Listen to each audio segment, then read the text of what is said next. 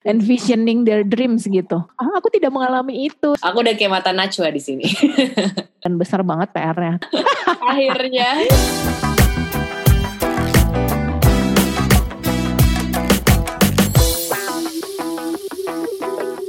Hai hai Sobat Motioners, kembali lagi di Discuss Motion, Season 2, Episode 7, Part B. Memang ya, ngobrol sama kafe itu saking serunya nih, sampai kita harus buat dua part podcastnya. Tapi sebelumnya, aku mau berpantun dulu ya motioners. Pagi-pagi lari bersama, siangnya kita kecapean.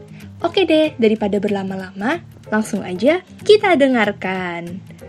Nah, kalau gitu nih Kak, next questionnya. Contoh implementasi atau program green economy kalau untuk di Indonesia ada nggak Kak contohnya? indikatornya green economy itu biasanya dilihat dari industri sektor ya. Ada beberapa sektor yang sebenarnya masuk dan paling sering disebut kalau kita mau mengarah ke green economy. Misalnya, satu tadi kita sempat bicara di awal kenapa kok aksi bikin intervensi di energi terbarukan karena memang sektor energi itu krusial banget untuk dijadikan target sektor yang harus berubah menuju green economy. Kedua, agriculture karena pangan itu pasti harus dikawal betul dengan baik supaya bisa menjaga ketahanan atau bagaimana masyarakat bisa tetap apa memenuhi kebutuhan makannya. Ketiga adalah industri. Kenapa? Karena misalnya segala teknologi yang dihasilkan oleh anak muda Indonesia nih, let's say di energi terbarukan ya, teknologi surya, teknologi angin, teknologi air dan lain-lain. Itu di setiap daerah kan beda-beda. Kalau tidak ada industri yang bisa mengembangkan itu sehingga dia bisa dirasakan oleh seluruh rakyat Indonesia, itu nggak akan bisa berhasil untuk mengubah Indonesia. Jadi industri itu penting banget. Keempat, transport. Coba kita lihat aja kebijakannya Presiden Jokowi terkait infrastruktur. Beliau membangun di mana-mana. Salah satunya aku paling ingat itu adalah dermaga dan tol. Pelabuhan ya, dermaga pelabuhan. Tol aja ada tol darat, tol laut. Kenapa? Karena itu untuk memudahkan mobilitas. Mobilitas yang lancar itu akan membuat segala transportasi kebutuhan dasar kita itu akan lebih murah. Kalau kebutuhan dasar kita bisa ditransport lebih murah, kemudian bahan bakar juga satu harga, aku ingat berita soal itu juga. Itu pasti semua masyarakat bisa mengakses apa yang Jakarta. Dan dengan harga yang sama kita ambil contoh teman-teman di Papua bisa bayar bensin dengan harga yang sama di Jakarta. Kita nggak perlu sekarang kita nggak bicara soal uh, apa namanya polemiknya dulu ya. Tapi intinya adalah dengan akses yang sama dari ujung Aceh sampai ujung Papua berarti kan sebenarnya kesempatan untuk membangun itu jadi lebih besar lebih baik. Akses untuk informasi pendidikan air dan dan sanitasi apa pun lah yang jadi kebutuhan dasar manusia itu jadi lebih mudah gitu Nah yang terakhir, yang keempat adalah waste. Karena biar bagaimanapun limbah itu perlu dikelola dengan baik. Mungkin kita tidak menghasilkan limbah ya. Jadi dari setiap sektor itu mungkin kita bisa berkaca lah apa sih cerita baik atau implementasi baik yang sudah atau sedang ya, sedang dibangun untuk menuju ekonomi hijau. Jadi ada energi, agriculture, industri, transportasi, dan limbah. Luar biasa. Itu benar sekali sih Kak. Karena mungkin kalau sebagai kesimpulannya dari semua, Kenapa itu semua disebut sebagai contoh-contoh implementasi green economy atau pembangunan yang berkelanjutan ya karena memang seperti yang aku bilang tadi tentang pilar dan juga ibarat pohon besar banyak cabang gede tapi itu ada cabang-cabang kecilnya. Nah sebenarnya tuh ini semua saling berhubungan termasuk individu manusia masing-masing itu saling berhubungan gitu loh. Semua benar-benar udah kita memang menghasilkan waste tapi juga kalau nggak ada mobilitas yang lancar gimana juga mau berusaha mengelola manage waste-nya dan in the end juga di akhir-akhir juga selalu orang orang bilang UUD misalnya ujung-ujungnya duit tidak ya memang karena kalau seperti yang kafe juga tadi bilang kalau bisa dengan karena mobilitas ini yang semakin mudah ini ya harganya jadi bisa. Pertama jika semua aksesnya bisa ya. Jadi apa yang dimakan di Jakarta bisa juga dimakan di tempat-tempat lainnya yang terpencil mungkin tadinya. Dan juga dengan harga yang nggak selangit gitu. Jadi memang semua sangat-sangat saling berhubungan begitu ya kayak Iya betul banget kak. Ini kayaknya kita Sabtu berfaedah. faedah banget ini kak. sangat sangat faedah guys. Weekend harus tetap berilmu ya nggak kak? betul banget. Ini kayak oh. kita ngomongin sambil ngopi ya. Apa sih yang bisa kita lakukan gitu kan? Kita lagi mau kuliah apa? Kita lagi mau kerja apa? Dengan kita mengetahui diskusi yang ada di Motion for Nature nih, kayak kita mungkin jadi lebih jelas ya ke depannya kita pengennya apa Betul betul. Dan menurut aku juga tidak terbatas hanya orang misalnya sekarang udah ada yang kerja sebagai akuntan terus mikirnya merasa ya aku mah udahlah akuntan aja nggak bisa jadi yang lain. Menurut aku pun sebagai orang yang memang juga baru tiga tahun meniti karir di dunia kerjaan yang sebenar-benarnya setelah lulus kuliah itu sebenarnya tidak benar. Menurut aku kita sebenarnya mau mengejar apa pun tuh fleksibel. Dan ini harus menjadi manusia yang gak mudah beradaptasi kan mau di bidang kerjaan apa pun. Aku merasa orang-orang pun yang mikirnya backgroundnya nggak lingkungan hidup lah atau bukan yang tadi berhubungan dengan masalah-masalah isu-isu lingkungan seperti ini ataupun isu-isu SDG seperti ini nggak masalah. Sebenarnya mereka kita semua tuh pasti ada perannya gitu. Dan aku pengen banget juga menekankan hal itu sih. Kayak mungkin tadi inklusifnya nggak cuma untuk impactnya kan mulai dari green ekonomi inklusif semua sejahtera gitu. Tapi juga inklusif dalam hal peran. Menurutku semua orang pasti ada perannya gitu. Kayak moto Motion for Nature kan sebenarnya. Yaitu one act giant impact. Satu aksi besar dampaknya. Dan aku nggak pernah bilang kan siapa yang bisa memberikan impact. Karena menurut aku semua orang pasti ada perannya. Betul gitu ya kayak Ih bener banget, bener banget. Aku setuju kak. Semua orang itu pasti ada kontribusinya. Mau mau besar mau kecil pasti ada kontribusinya.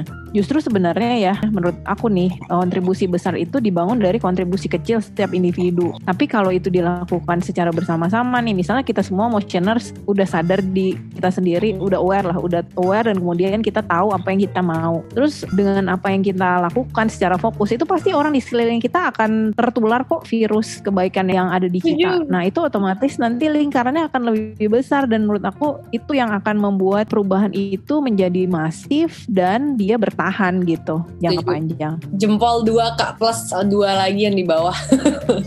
Luar biasa emang pembicaraan kita. Eh by the way aku mau share dong.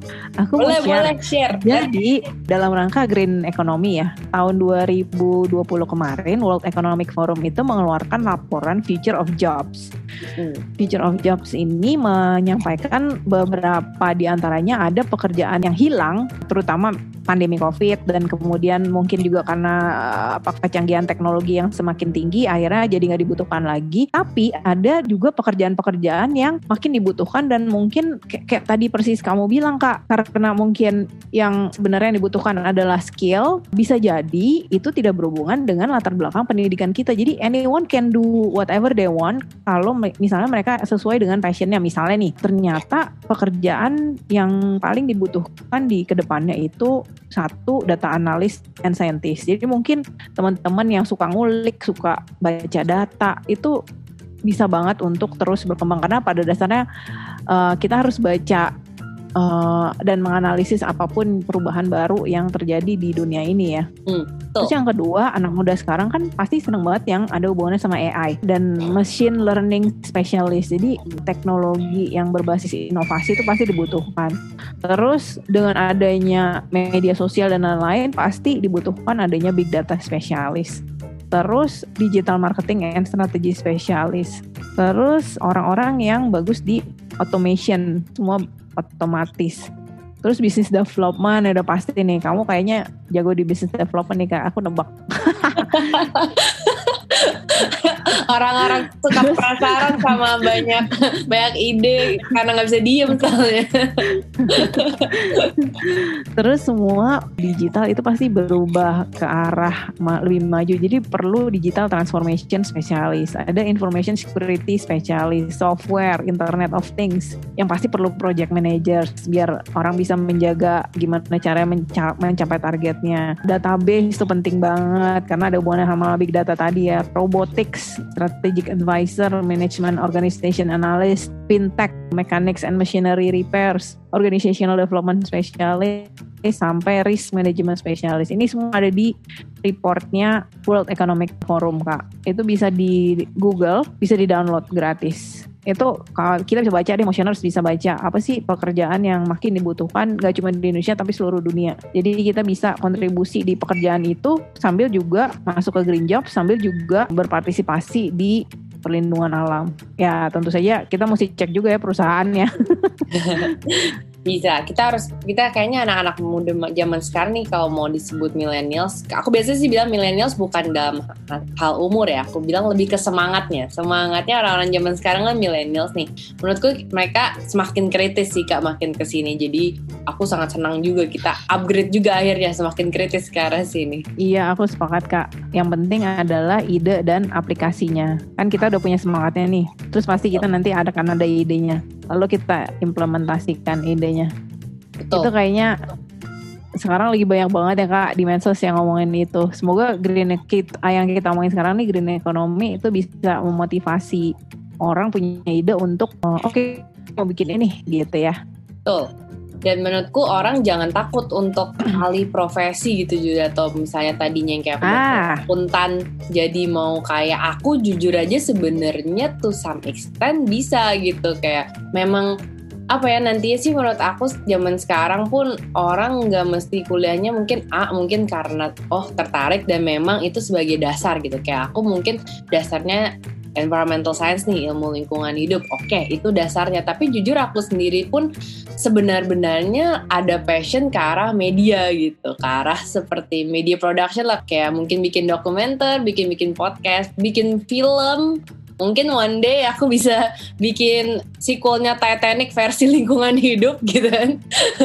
Ini menurut aku benar, benar, benar. makin ke sini apalagi jujur dengan setelah terjadinya pandemi ini dan juga kalau dalam kita bahas green economy juga menurut aku ini semakin menunjukkan dan membuktikan kalau anything can happen, you can do anything sebenarnya dan karena memang masalah adaptasi kayak tadi kakak ada karir yang muncul baru, ada karir juga jadi yang mati segala macam karena time changes so quickly dan segala macam tuh berkembang dengan pesat. Bisa jadi mungkin 50 tahun dari sekarang AI juga udah nggak ngehit ada yang ngehit lagi apa. Jadi karena ini mainnya hype-hypean atau populer-populeran ya mau nggak mau memang semua harus fleksibel semua orang harus bisa beradaptasi. Jadi aku pengen juga menekankan lagi dari apa yang juga Cafe bilang kalau kita di sini semoga yang mendengarkan termotivasi untuk ya jangan pernah takut lah untuk do anything do an impact nggak nggak usah terjangan karena menurutku memang benar kayak yang membatasi diri kita diri kita sendiri sebenarnya nggak ada orang lain.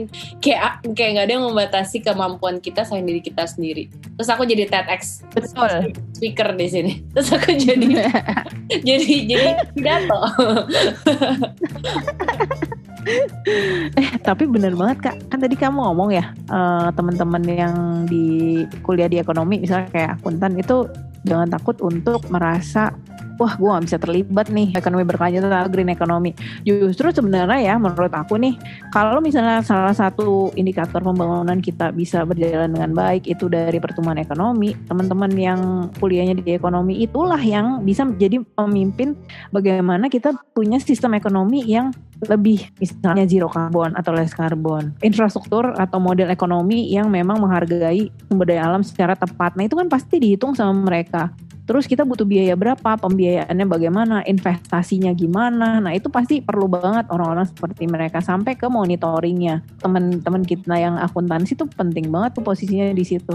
Nanti oh. dia juga yang akan mengaudit kan? Setuju, setuju, setuju. Pokoknya menurut aku semua iya. orang mau jabatan iya. apa pun, mau passion apa pun, ada perannya pasti. Kayak jangan jangan takut kadang juga orang bilang oh saya bukan ahli IT, aduh aku nggak jago coding. Dunia ini luas, kalau semua orang jago coding nggak ada yang jago yang lain sama aja. Benar-benar benar. Bahkan di dunia fashion pun ya, aku tuh baru visit Instagramnya sejauh mata memandang. Menurut aku dahsyat banget sih inovasinya karena mereka menggunakan membuat bahan baku kain dari daur ulang kain yang lama gitu. Jadi menurut aku kayaknya ya benar banget sih everyone can do everything. Yang penting adalah kita udah tahu nih udah aware dan kita punya passionnya. Betul sekali. Nah, kalau gitu Kak, kita masuk lagi ke next questionnya. Kalau gitu karena Siap. semua udah kira-kira mengerti basicnya apa, ada contoh implementasi yang jelas juga di Indonesia. Nah, kalau gitu pasti ada tantangannya kan nih. Kalau gitu apa tantangan buat program Green Economy tadi dan bagaimana cara kita berusaha ya bagaimana untuk nge-tackling tantangan ini gitu kak bagaimana berusaha menghadapi tantangan ini monggo kak Oke, okay. aku selalu berpikir ya di mana ada tantangan pasti ada peluang. Jadi kalau dari setiap advokasi yang dilakukan oleh koaksi kita ngelihat dari empat sudut pandang. Tantangan itu pasti ada dari sisi satu kebijakan. Dua, tantangan itu pasti ada dari sisi pendanaan. Karena kalau kita mau berubah pasti kita butuh modal ya kan. Semua mau any kinds of business kayak gitu apalagi juga yang gede gitu negara. Terus ketiga, kita pasti ada tantangan dari sisi teknologi lah. Itu itu kita nggak bisa pungkiri ya. Teknologi yang mungkin bisa jadi baru bisa dikembangkan di negara lain. Nah, kemudian yang keempat adalah tantangan dari sisi SDM. Gimana caranya SDM kita sesuai dengan skill yang dibutuhkan, eh, memiliki skill yang dibutuhkan dan juga bisa matching antara skill dengan industri yang dikembangkan oleh pemerintah untuk bisa mencapai green economy tadi. Jadi tantangannya ada di itu kak. Empat. Satu kebijakan. Dua pendanaan. Tiga teknologi. Empat di SDM. Nah tapi peluangnya juga di situ. Otomatis teman-teman kayak tadi yang motioners yang kamu bilang everyone can do everything sebenarnya juga bisa melihat apa nih yang bisa kita lakukan di empat tantangan tadi. Misalnya teman-teman yang bergerak di hukum misalnya ya bisa atau di ilmu sosial lah bisa mengulik apa sih terobosan yang bisa dilakukan di kebijakan. Kita bisa lihat gap kebijakan apa nih yang sudah ada dan apa yang kurang untuk bisa menuju ekonomi berkelanjutan. Kemudian misalnya di ekonomi analisis atau accounting misalnya kayak gitu itu bisa ngecek sebenarnya gimana sih potensi pembiayaan dari pengembangan let's say misalnya energi terbarukan misalnya kita perlu ternyata 1.600 triliun untuk membuat Indonesia bisa 100% energi terbarukan. Gimana caranya kita bisa dapat dana sebesar itu? Apakah dengan adanya bond? Apakah dengan adanya G2G agreement, multilateral agreement, dan lain-lain, dana bantuan atau whatever kayak gitu? Kemudian dengan adanya loan-loan segala macam atau dana bantuan atau juga G2G agreement itu apakah pricingnya tepat untuk bisa mengembangkan energi terbarukan di Indonesia misalnya ada tax holiday ada apa ada insentif ada carrot and sticksnya lah gitu nah kemudian yang ketiga adalah teknologi berarti teman-teman yang sukanya teknik gitu itu bisa banget misalnya mengembangkan energi terbarukan sesuai dengan potensi daerah. Oh di kota besar bagusnya surya. Oh di Indonesia Timur bagusnya angin. Oh di Sumatera bagusnya air atau panas bumi. Oh kayak gitu. Setiap daerah itu bisa mengembangkan teknologinya. Mungkin Indonesia punya center of excellence di setiap kampus gitu ya, center of excellence misalnya untuk sektor energi. Nah gimana caranya itu dideploy ke daerah-daerah yang membutuhkan. Jadi tantangan teknologi tadi bisa diadapt adapt dari misalnya universitas di luar negeri kerjasama dengan universitas di Indonesia kemudian dikembangkan di sini anak Indonesia kan pinter-pinter tuh kayak di ITS sudah bisa bikin mobil listrik hmm. itu kemudian bisa dideploy gak cuman ada di Jawa tapi bisa di Sumatera, Kalimantan, Sulawesi, Papua jadi semua bisa berbasis energi terbarukan misalnya Nah, yang terakhir SDM. Dari sejak kita sekolah, ingat gak sih zaman dulu kita di sekolah ada kakak-kakak alumni yang suka, eh nanti kamu kalau mau kuliah di jurusan seperti saya, pengalamannya kayak gini-gini. Nah, sebenarnya itu tuh penting banget. Ya. Yeah. Karena sebenarnya kita dari kelas 1 SMA, itu tuh harus tahu kita mau kuliah apa bahkan sebelum SMA uh, eh, SMP gitu ya misalnya. Karena kita harus tahu apakah kita perlu masuk di SMK atau kita masuk di SMA SMK itu di Indonesia banyak. Bahkan untuk SMK energi terbarukan aja nih aku baru tahu ternyata SMK itu banyak di seluruh Indonesia. Jadi kalau dia mau misalnya mengembangkan energi terbarukan dia bisa masuk ke SMK spesifik. Misalnya aku mau ke Bali gitu. Nanti aku akan mulai di Bali nanti akan awan kuliah di Udaya kayak gitu. Dia harus tahu nih envisioning their dreams gitu. Setuju uh, banget. ah, aku tidak mengalami itu tapi kalau misalnya itu ada itu akan lebih baik. Jadi dia bisa sesuai kapasitas dia dibangun dan dia meeting di industri yang akan membutuhkan skill yang dia punya. SDM itu sangat amat penting kak. Kualitas SDM harus sesuai dengan teknologi yang akan dikembangkan di Indonesia dan harus sesuai dengan industri yang dibutuhkan untuk green economy. Menurut aku sih intinya adalah memang tantangan kebijakan itu penting dan besar banget PR-nya. Tapi kalau misalnya dari kita nih udah tahu ya oh ternyata begitu oh targetnya begini oh tantangannya seperti itu oh ternyata tapi peluangnya adalah gue bisa kok tanpa harus menunggu kebijakan misalnya. Karena itu sebenarnya harus paralel ya. Dari kampus juga kan itu sekolah-sekolah juga sudah memikirkan itu. Kayak sekolah aku zaman dulu ternyata sekarang udah jauh banget lebih baik. Jadi dari sejak SMP tuh anak-anak bener-bener ditanya serius cita-citanya mau jadi apa gitu. Nanti ke depannya memang green economy itu bukan something yang menjadi utopia tapi memang achievable karena seperti yang tadi kamu udah ingetin targetnya kan SDGs itu 2030. Nah untuk energi terbarukan 2025 itu harusnya Indonesia 23 persen tercapai 2030 itu 31 persen dengan adanya industri energi terbarukan aja misalnya yang meeting the target 23 persen berarti akan ada peluang green jobs yang lebih besar Berarti teman-teman yang dari sekarang masih sekolah atau kuliah itu bisa jadi akan ada tambahan jenis pekerjaan baru yang mungkin muncul along the way gitu. Jadi menurut aku sudah bisa dirintis dari sekarang. Dan kalau aku boleh simpulkan. Iya aku senang banget diajak ngobrol.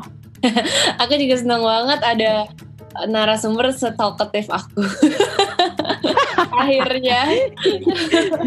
Karena kalau nggak aku berarti kayak aduh aku overpowering kak aku kayak selalu berusaha holding myself back gitu kayak mm, okay. Jangan dong. Iya, kalau aku boleh simpulkan juga nih untuk motion motioners di sini yang mendengarkan adalah ada tantangan jelas ada yang empat hal tadi, namun peluangnya pun juga ada seperti yang dikatakan di masing-masing tantangan itu sendiri dan di akhir menurut aku memang kalau mau disimpel ya satu dimulai misalnya orang bingung nih mulai kayak overwhelm mulai kayak duh duh terus aku mulai dari mana kalau dari yang aku lihat dan dengarkan dari yang kafe tadi yaitu SDM kita kan harus berkualitas. Jelas. Berarti edukasinya harus berkualitas.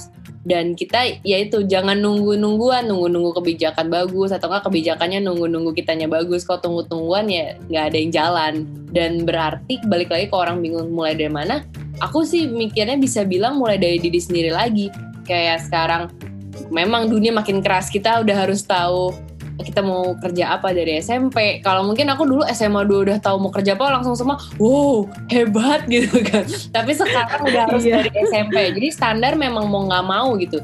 Kita udahlah jangan ngedumel-ngedumel, jangan komplain-komplain. Memang sekarang standar semakin tinggi bukannya apa karena memang ya kayak tadi kafe juga bilang tantangannya semakin tinggi gitu. Jadi kita harus lebih semakin kreatif lagi kayak tadi dan biar kreatif harus mati otak. Semuanya berhubungan lah edukasi juga harus makin high quality. Jadi memang mau nggak mau dari kita sendiri harus mau menjadi high quality people sih menurut aku. Menurut kakak gimana? Setuju. Aku kalau boleh cerita ya, aku ingat banget ada di medsos nih teman-teman yang sekarang sukses itu adalah teman-teman yang dilahirkan memiliki privilege. Nah, menurut aku ya, ketika aku kuliah di UI ya, aku ngerasa banget bahwa sebenarnya nggak juga karena teman-teman aku selama kuliah itu datang dari berbagai provinsi. Ya, aku nggak tahu apakah memang ada privilege di mereka, tapi pada dasarnya mereka juga berasal dari misalnya keluarga yang secara ekonomi tidak mampu gitu ya. Tapi apa tetap memungkinkan mereka untuk punya kesempatan berkuliah di tempat yang bagus misalnya. Jadi memang aku setuju sih gimana caranya kita menjadi the best yang kita bisa asalkan kita menggunakan apa yang kita punya secara total gitu. Nah. Kayak kalau misalnya sekarang aku kebetulan punya anak kecil yang usia kelas 1 SD. Anak sekarang itu ternyata jauh lebih ekspresif dalam menyampaikan dia mau apa gitu dan secara kapasitas orang tua kan pasti beda-beda ya. Uh, tapi yang penting adalah gimana caranya kita bisa menyalurkan mimpi anak kita supaya dia juga ketika dia punya mau dia merasa didukung. Itu sih kak. Jadi mungkin bisa bisa peran-peran masing-masing aku setuju ya yang tadi kamu ingetin. Masing-masing tuh punya peran dan menjadi the best dari perannya dia gitu. Agreed. Harus itu. Kayak gitu, tadi kan kita udah bahas ya guys dari generalnya green economy itu seperti apa, tantangannya, implementasinya semua. Nah, dari sini sebenarnya Motion for Nature itu kan tiga bulan terakhir ini sedang ada program bersama Lindungi Hutan. Jadi memang kita mengambil tema hutan. Jadi sebenarnya aku ingin menanyakan juga nih ke Kafe, adakah sebenarnya peran hutan dalam hal kelangsungan program-program green economy ini? Oh, sudah pasti dong, Kak. Tadi kan salah satu sektor penting yang harus masuk dalam agenda green economy ada agriculture ya. Ada energi juga, ada limbah, ada industri dan ada transportasi. Kalau semua sektor itu tidak memperhitungkan keberlanjutan dari sumber daya alam, pasti bisa dipastikan itu akan berpotensi memberikan tekanan lebih banyak pada alam, salah satunya hutan. Karena lahan kita terbatas ya, Indonesia luasnya nggak pernah nambah, tapi jumlah penduduk nambah.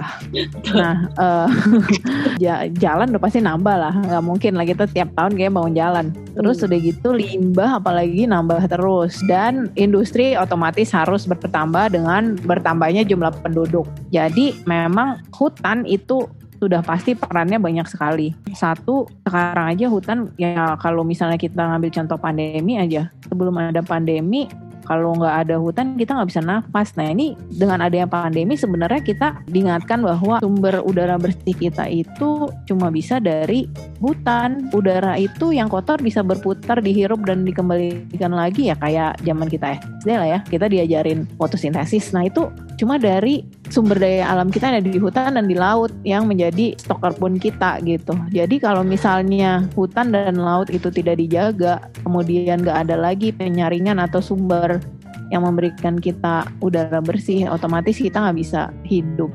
Jadi kalau bisa apa pun strategi yang digunakan untuk mengembangkan kelima sektor tadi itu jangan sampai membuka lahan hutan baru. Dalam arti mengubah fungsinya ya dari fungsi awal sebagai hutan alami menjadi apa pun itu gitu. Karena kan begitu dibuka pasti ekosistemnya akan berbeda. Eh, makhluk hidup yang ada di dalamnya akan berbeda. Misalnya let's say dari hutan alami yang pohonnya jenisnya macam-macam yang spesiesnya itu mungkin hanya ada di Indonesia kemudian dibuka jadi lahan sawit. Nah lahan sawit pohonnya jenisnya cuma satu misalnya.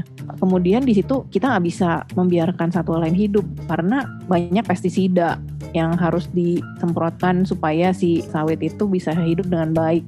Nah, jadi kan otomatis dia tidak bisa menjadi habitat yang baik buat spesies-spesies endemik Indonesia.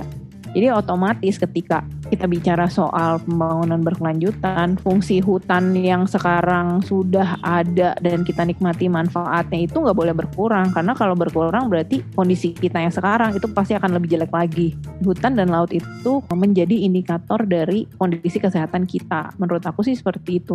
Luar biasa. Aku tadi satu hal yang aku langsung aha gitu adalah Indonesia ini nggak melebar gitu ya luas daerahnya. Luas hutannya pun nggak nambah gitu kecuali memang kita tanamin tapi kayaknya secara luas lahannya nggak bakal nambah gitu. Jadi ya dengan tadi segala macam peran hutan yang memang sangat banyak ini kita harus bisa dengan lebih bijak untuk menjaga gitu ya kayak ya.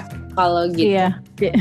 Iya. Jadi tantangannya sebenarnya nambah ya, nggak cuma terobosan tadi yang kebijakan kebijakan pembiayaan pendanaan teknologi dan SDM, tapi juga tantangan bagaimana kita mengelola sumber daya alam kita kalau gitu nih Kak, kita kan pengen banget juga mencapai SDG goal nomor 8 tadi dan kita pengen kalau bisa secepat dan semaksimal mungkin gitu Kak.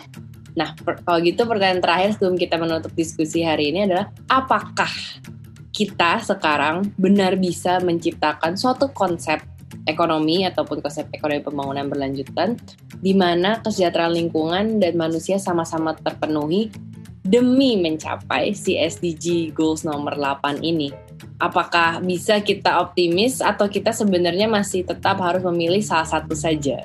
Aku udah kayak mata Najwa di sini. Oke, menurut aku bisa kak. Satu, ini bukan konsep yang utopia, tapi juga konsep yang sudah menjadi apa ya target perubahan banyak negara di dunia mungkin kalau misalnya kita bisa mengacu negara maju lainnya ya, aku dari tadi bilang Indonesia itu karena sudah masuk G20, jadi kita nggak bisa bilang kita negara berkembang. Jadi kita mengambil contoh dari sesama negara maju lainnya yang sudah lebih dulu maju, seperti misalnya Eropa atau negara Skandinavia. Mereka juga pada dasarnya melalui proses yang jauh lebih panjang dan lebih lama dari Indonesia untuk menyadari perlunya pembangunan berkelanjutan ya, tapi mereka bisa transformasi ke sana. Jadi it's not something that is impossible for Indonesia untuk melakukan hal yang sama. Nah, kemudian kedua, pemerintah kita itu sudah mengadaptasi konsep green economy ke dalam rencana pembangunan jangka menengah kita 2020-2024 yang inisiasinya sudah di launch oleh Bappenas tahun 2019. Jadi sebenarnya sudah diformalkan dalam kebijakan Kak. Nah tinggal tantangan tadi sebenarnya adalah bagaimana kita sama-sama mengawal seperti Motion for Nature atau Koaksi Indonesia itu kan kita bagian dari organisasi masyarakat sipil. Kita bisa mengawal agenda pemerintah melalui sektor kita masing-masing kita juga bisa mengajak target audiens kita atau di sini dalam hal ini adalah motioners untuk be part of yang bisa mereka lakukan sesuai dengan kapasitas. Kayak tadi kamu bilang anak muda bisa apa sih? Anak muda bisa misalnya menentukan bahwa setiap kuliah yang kamu ambil setiap passion yang mau kamu lakukan itu matters loh untuk bikin perubahan. Kita semua bisa membantu merealisasikan itu. Karena kita pasti menginginkan kondisi yang lebih baik dari hidup kita ke depannya. Itu sih Kak. Luar biasa. Aku jawab gak ya? Aduh jadi sedikit agak bertema TED.com kita nih Kak pembicaraan hari ini. Untuk mengakhiri di akhir penghujung Discuss Motion ini, aku yang mengucapkan terima kasih Kafe dan meluangkan waktunya untuk ngobrol-ngobrol bareng para motioners, bareng tim kita di Discuss Motion episode 7 kali ini dan aku mau minta dong kalau boleh ada pesan-pesan atau daily action yang kira-kira dari kakak mau bisa berikan kepada kita di sini. Kalau dari aku, aku sekarang lagi belajar ini sih kak, benar-benar menentukan apa yang kita butuhkan instead apa yang kita inginkan. Itu kayaknya perjalanan panjang ya buat kita semua. Mungkin mulai dari hal kecil aja kali ya kak. Sebenarnya dari hal kecil itu kita bisa berkontribusi ke tercapainya green economy. Setuju, setuju, agree. Berarti mungkin bisa dibilang kita juga dari hal kecil tuh dan mulai dari satu hal yaitu dari diri kita sendiri untuk tahu apa yang kita butuh dan membedakannya dengan apa yang kita mau gitu ya kayak. Ya. Iya, terus Kak, aku mau ngingetin juga. Oke. Okay. Kan Motioners punya agenda bareng nih untuk bisa menanam pohon dari kolaborasi dengan lindungi hutan. Menurut aku sih penting juga ya. Misalnya dari sekian banyak konsumsi yang kita lakukan setiap hari, mungkin kalau kita ulang tahun atau kalau kita celebrating something, hadiahnya bisa menanam pohon gitu. Kayaknya tuh Betul. selain bisa buat diri sendiri juga bisa buat orang lain. Banget nih guys yang mau ngasih aku kado which is aku ulang tahunnya soon tolong disumbang aja ya ke donasi di link bio motion for nature kalian banget kak. Terima kasih banyak. Cafe sudah meluangkan waktu untuk kita dan aku senang banget hari ini bisa ngobrol dengan seseorang yang seperti aku bilang sama-sama penuhnya otak ini untuk dibicarakan. dan thank you lagi untuk Collection Indonesia, toko aksi Indonesia dan juga Green Move ID. Sama-sama Mia, sama-sama semua motioner, sama-sama juga Motion for Nature terutama. Semoga kita bisa ada kolaborasi lagi yang lebih caam ke depannya ya. Will do will do. Keep in touch ya kak ya. So stay tuned for more podcast on Discuss Motion. Jangan lupa subscribe kita ya di Spotify, Anchor FM, Google Podcast, dan juga Apple Podcast. Untuk update-update terkini, kalian juga bisa follow Instagram kita at Motion for Nature.